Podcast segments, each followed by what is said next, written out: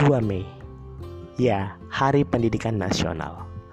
Apa yang terlintas dalam pikiran teman-teman jika terdengar kata pendidikan? Sekolah, alat tulis, guru, teman?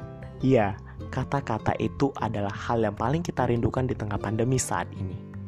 Rindu diskusi di kelas, canda bareng teman, presentasi, dan lain sebagainya. Pendidikan adalah momen di mana proses sebuah cita-cita dimulai. Tapi, mengapa masih banyak para pelajar melakukan tawuran, drugs, dan kenakalan remaja lainnya? Berita menyedihkan itu masih banyak terjadi di negara kita. Perlu kita ketahui bersama, pendidikan bukan sekedar edukasi, tapi pendidikan adalah sebuah arti untuk memberikan sebuah nilai.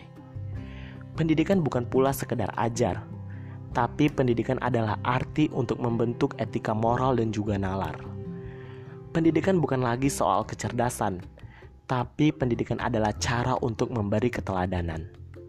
Saat pendidikan hanya berpacu pada kompetisi, yang ada adalah lahirnya generasi yang rakus dan suka melakukan korupsi. Saat pendidikan hanya sebatas pintar dan juga cerdas, yang lahir adalah generasi yang culas dan suka berperilaku tanpa batas. Untuk itu, mari kita renungkan momen 2 Mei ini dengan penuh arti. Kita kembalikan esensi pendidikan penuh keteladanan dan kita jadikan momen hari pendidikan sebagai titik balik untuk menjadikan pendidikan yang menjunjung moral etika dan keberadaban. Selamat Hari Pendidikan Nasional. Ingarso Suntulodo, Imadia Mangunkarso, Tut Handayani. Terima kasih. Assalamualaikum warahmatullahi wabarakatuh.